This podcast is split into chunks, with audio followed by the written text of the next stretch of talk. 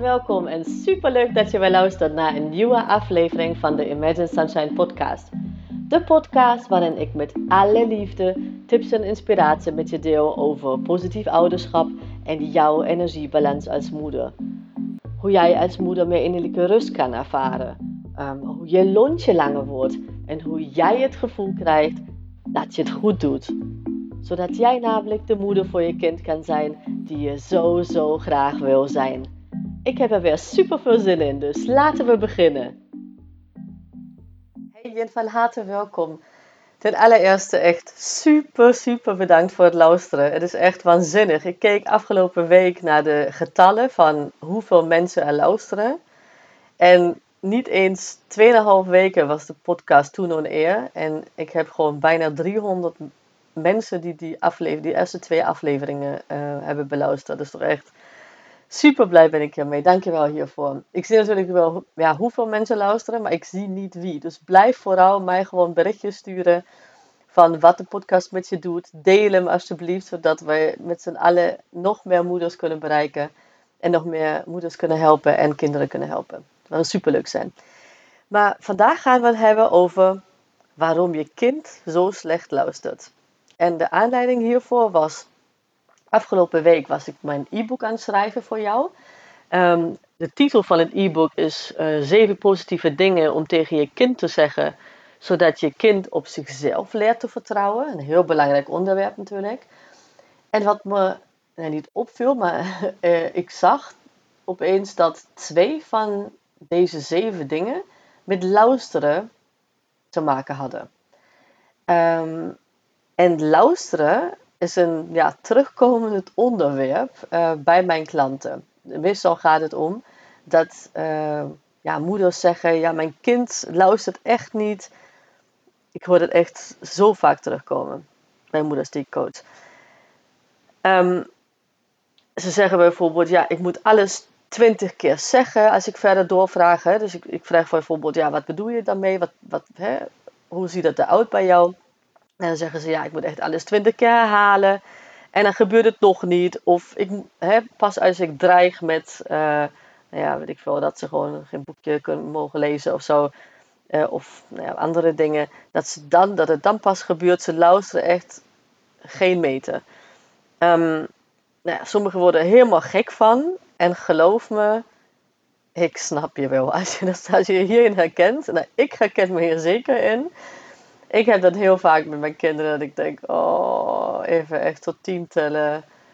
Want mijn geduld is langzaam op. Maar ja, dat uh, bewustzijn te hebben, heb ik natuurlijk ook wel de kans om hierop te reageren.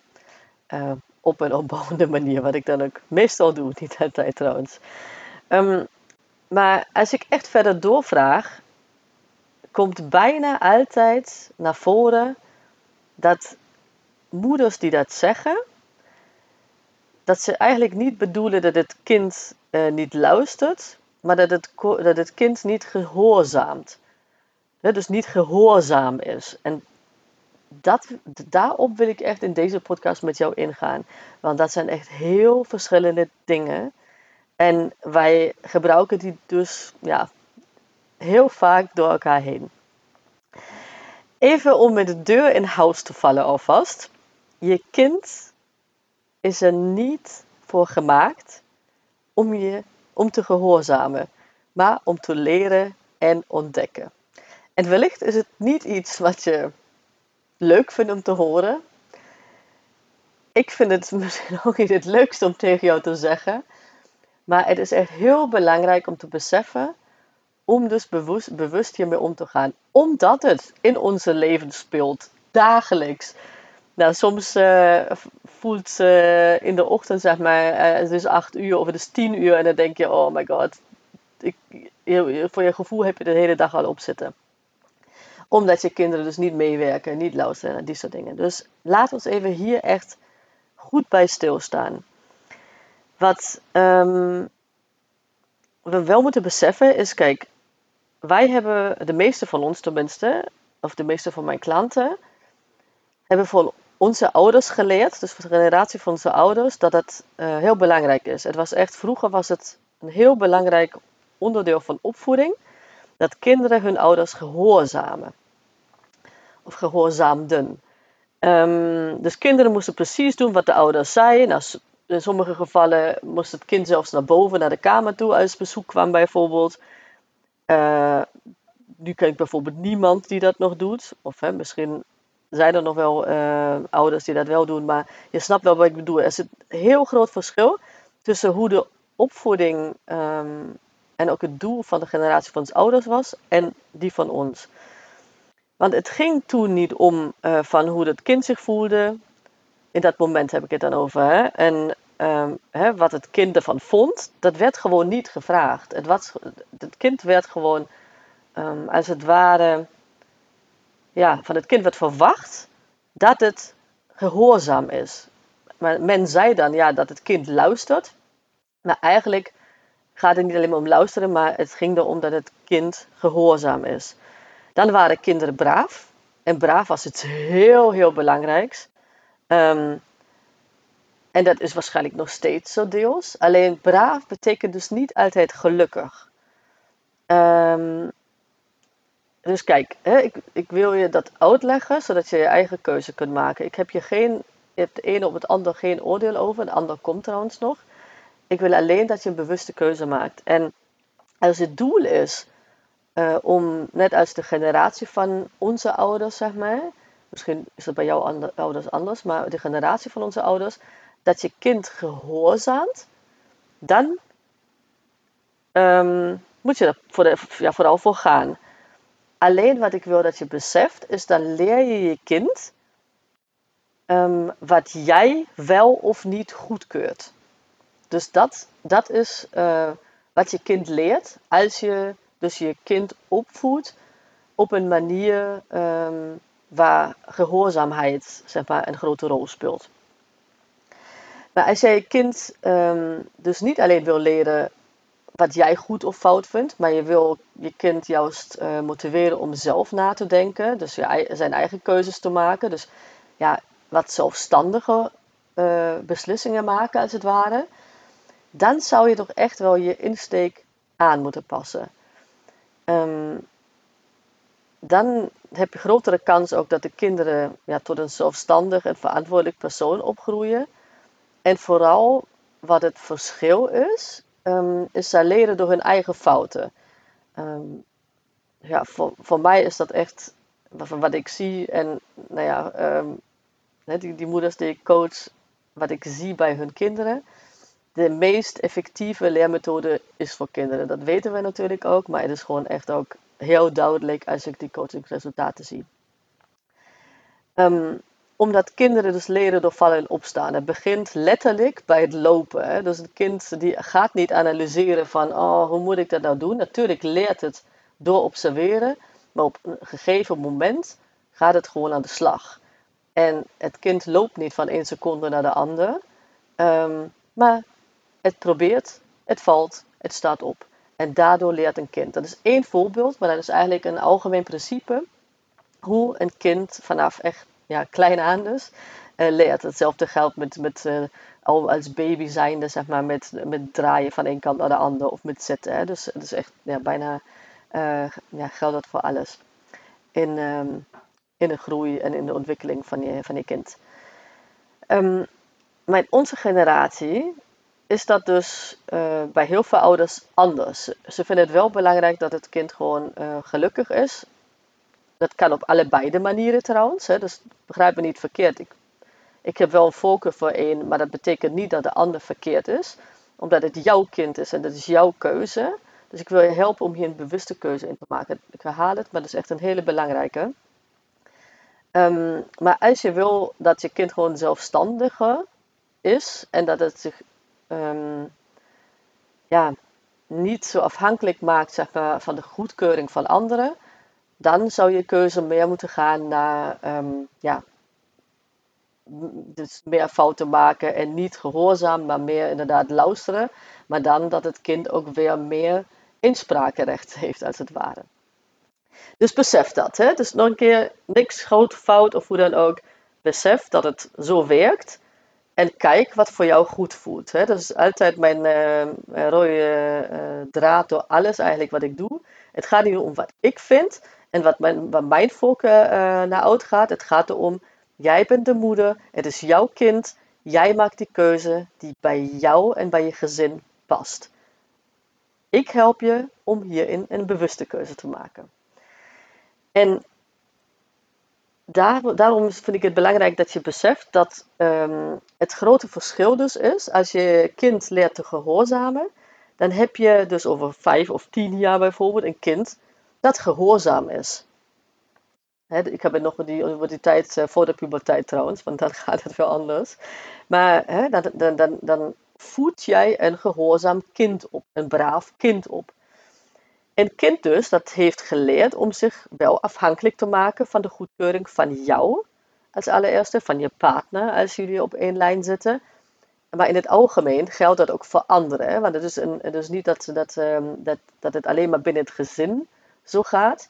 Maar het is een leerproces. Uh, je leert je kind daardoor hoe jij of hoe je kind zich moet gedragen naar anderen toe. Hè? Daar gaat het om. Um, dus dan heb je um, over vijf of tien jaar een kind die dus dat doet. Um, als je kind dan deze goedkeuring krijgt van anderen, is het gelukkig en tevreden. Dus hè, dan is het fijn, dan hè, voelt het zich veilig. Maar als deze goedkeuring dus niet komt, dan wordt het lastig. Dus dan, je, je, ziet, uh, misschien ken je um, ik was er zelf een van um, mensen die please gedrag vertonen. Dus hè, echt om, om um, ja, bijna oud te lokken uh, om goedkeuring te krijgen. Dat is dan iets wat, ja, wat de kans vergroot wat, uh, wat kan gebeuren. Dus, dus, maar dus besef dat gewoon. Um, wat je wel vaak ziet bij kinderen die dus gehoorzaam Ehm, te zijn hebben geleerd, is dat ze als ze dus naar de puberteit gaan en naar die fase, dat ze dan juist rebels worden. omdat ze merken, ze, nou ja, of ze willen het gewoon niet meer. Het is een patroon die ze hebben aangeleerd. Dus het is niet maar zo 1, 2 zeg maar, uh, af te leggen. Dan moet je wel gewoon uh, wat langer aan de slag. Um, maar in allebei de gevallen, of het nu rebels is of niet, hè, of dat kind gewoon gehoorzaam blijft, het gaat heel veel ehm, om anderen, zeg maar. Dus je kind is bezig met anderen. En dat is het verschil eigenlijk met de andere aanpak. Um, waar je kind dus ja, mag luisteren, maar dat niet per se betekent dat het dan direct of überhaupt doet wat je, wat je wil, zeg maar. Um, en ik, ik, ik schets het nu echt even zwart en wit. En dat is het niet. Hè? Ik, ik doe dat uh, expres om jou gewoon echt de verschillen te laten zien. Maar het is een grijze zone in, in het algemeen. Hè? Dus dat maar even dat dat duidelijk is. Um, als je kind dus leert om zelf na te denken, wat het uh, kind goed of fout vindt, um, en dat jij daar gewoon niet bovenop zit en dus door wil drammen dat het anders is, dan maakt het kind zich niet afhankelijk van een ander. Hè? Dan leert het om um, ja, zijn eigen keuzes te maken, als het ware.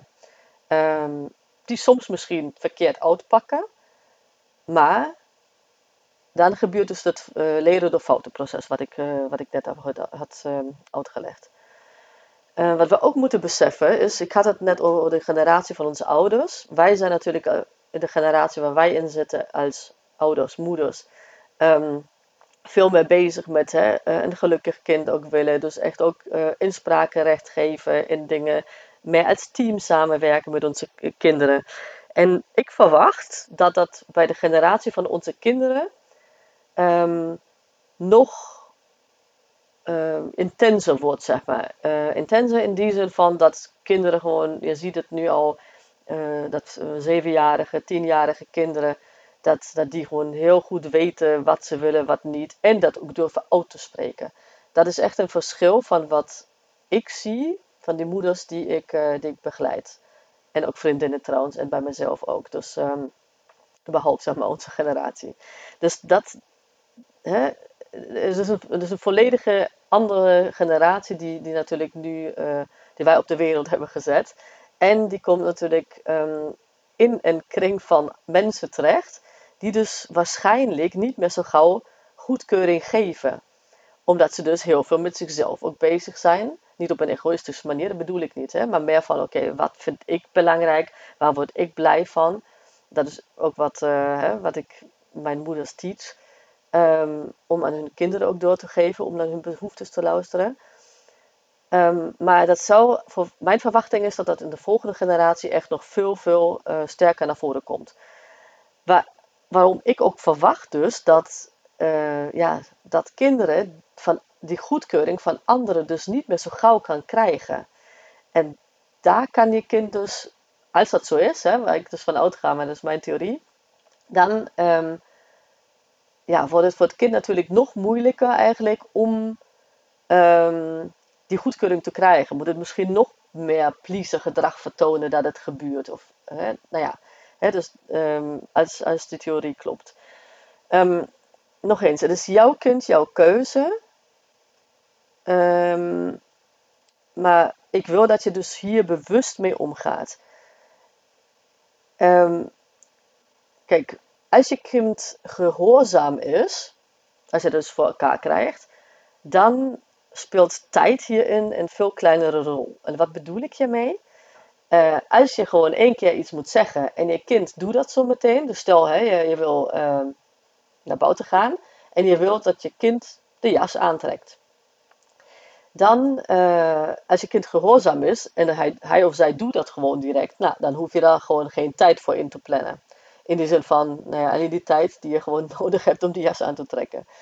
Als je um, gaat voor dus niet jou, jouw zin afdwingen, zeg maar, um, dat je kind wel luistert, maar misschien niet gehoorzaam is direct, dan kan dat natuurlijk wel langer duren. Dus dat is een kritisch punt waar wij dus als moeders tegenaan lopen, omdat wij heel weinig tijd hebben. En ook niet um, die tijd nemen, omdat wij daar ja, vaak niet bewust mee bezig zijn. Dus tijd speelt hier een hele belangrijke factor. Um, kijk, wij willen natuurlijk gelukkige, zelfstandige kinderen, de meeste van ons. Maar wat we proberen te leren, is dus niet te luisteren, maar te gehoorzamen. En nog eens, ja, je hebt het nu natuurlijk wel gehoord, het zijn twee compleet verschillende dingen. Dus kijk maar wat dat voor jou betekent, uh, hè, waar jij voorkeur uh, naar uitgaat. Um, hoe dat in jouw gezin gewoon loopt. Niet, uh, ga gewoon maar even analyseren zonder gewoon echt in je hoofd te zitten, maar meer van oké, uh, zonder ook te oordelen, want hier gaat het echt niet om oordelen, maar te kijken oké, hoe loopt dat nu? En als je zegt dat je kind niet luistert, dan, hè, dan wil je daar verandering in brengen. Um, dus kijk maar hoe, hoe dat bij jullie in het gezin is. Zeg maar. Wat doe jij? Wat, wat vraag jij van je kind? Vraag je echt om direct te gehoorzamen? En wil je het liefst zeg maar, dat je alles één keer moet zeggen en dat het kind gewoon zegt van yes, oké. En dat bij alles het liefst. Dat zou natuurlijk super fijn zijn. dus um, als dat gepaard zou kunnen gaan met zelfstandig keuzes maken. Maar dat is dus um, iets wat niet gaat. Dat, uh, dat wil ik je gewoon even laten beseffen.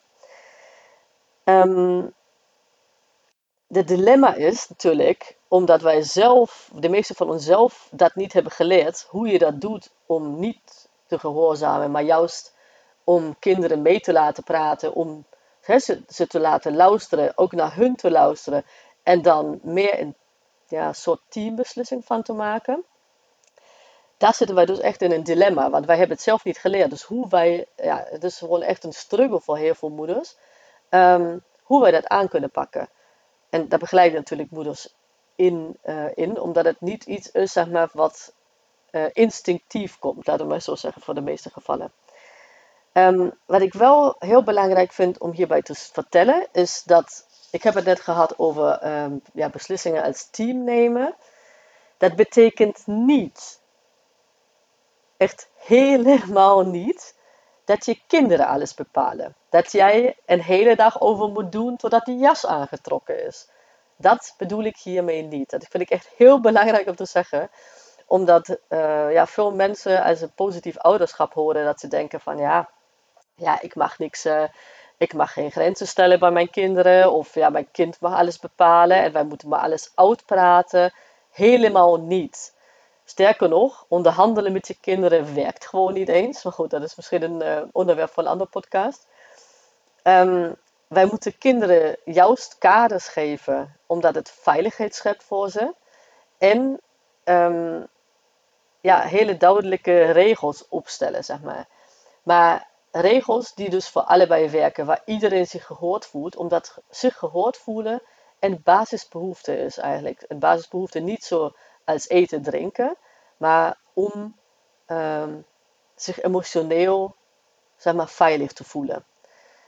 En daar gaat het om bij positief ouderschap. Dus hoe je op een opbouwende manier um, met het gedrag van je kind omgaat, hoe je je kind leert met zijn emoties om te gaan op een opbouwende manier. En dat betekent niet dat jij nooit meer een kort lontje mag hebben, dat je nooit meer gewoon um, je mening mag doordrukken of hoe dan ook, dat jij niks mag bepalen. Helemaal niet. Dus dat vind ik echt wel dat je dat beseft. Um, dus je kunt ook je kind opvoeden zeg maar, tot een zelfstandig iemand die luistert. Um, waar het kind niet alles bepaalt. Waar jij het meeste bepaalt, maar dan net op een andere manier. Dat, dat, uh, dat even, ja, vind ik wel belangrijk om even te, te, te zeggen.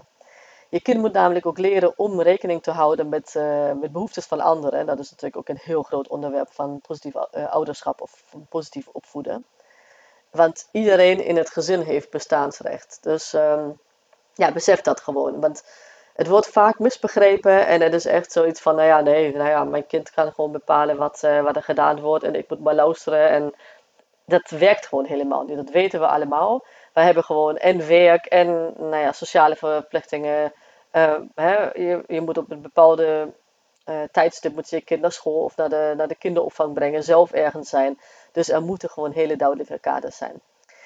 Maar ik hoop dat, dat het verschil zeg maar, tussen allebei de twee aanpakken, uh, dat dat um, ja, duidelijker is geworden voor jou. Dat je, dat je het wel de mogelijkheid geeft om, om zelf een keuze te maken, om even te kijken hoe ziet dat nu eruit bij jou, bij je partner. Liggen jullie daar op één lijn of niet? Ook. Um, en hoe wil jij dat bewust aanpakken? En als je daar gewoon een vraag over hebt, zo, ja, dan laat het me weten. Nog eens, ik ben echt heel erg, um, vind ik het heel erg fijn om om interactie te hebben. Um, ik heb je dus ook een e-book over geschreven. Niet zozeer om uh, waarom je kind niet luistert, maar dus, nou ja, luisteren is een, echt een stokpaardje van mij eigenlijk. Een heel belangrijk onderwerp van, uh, van positief opvoeden.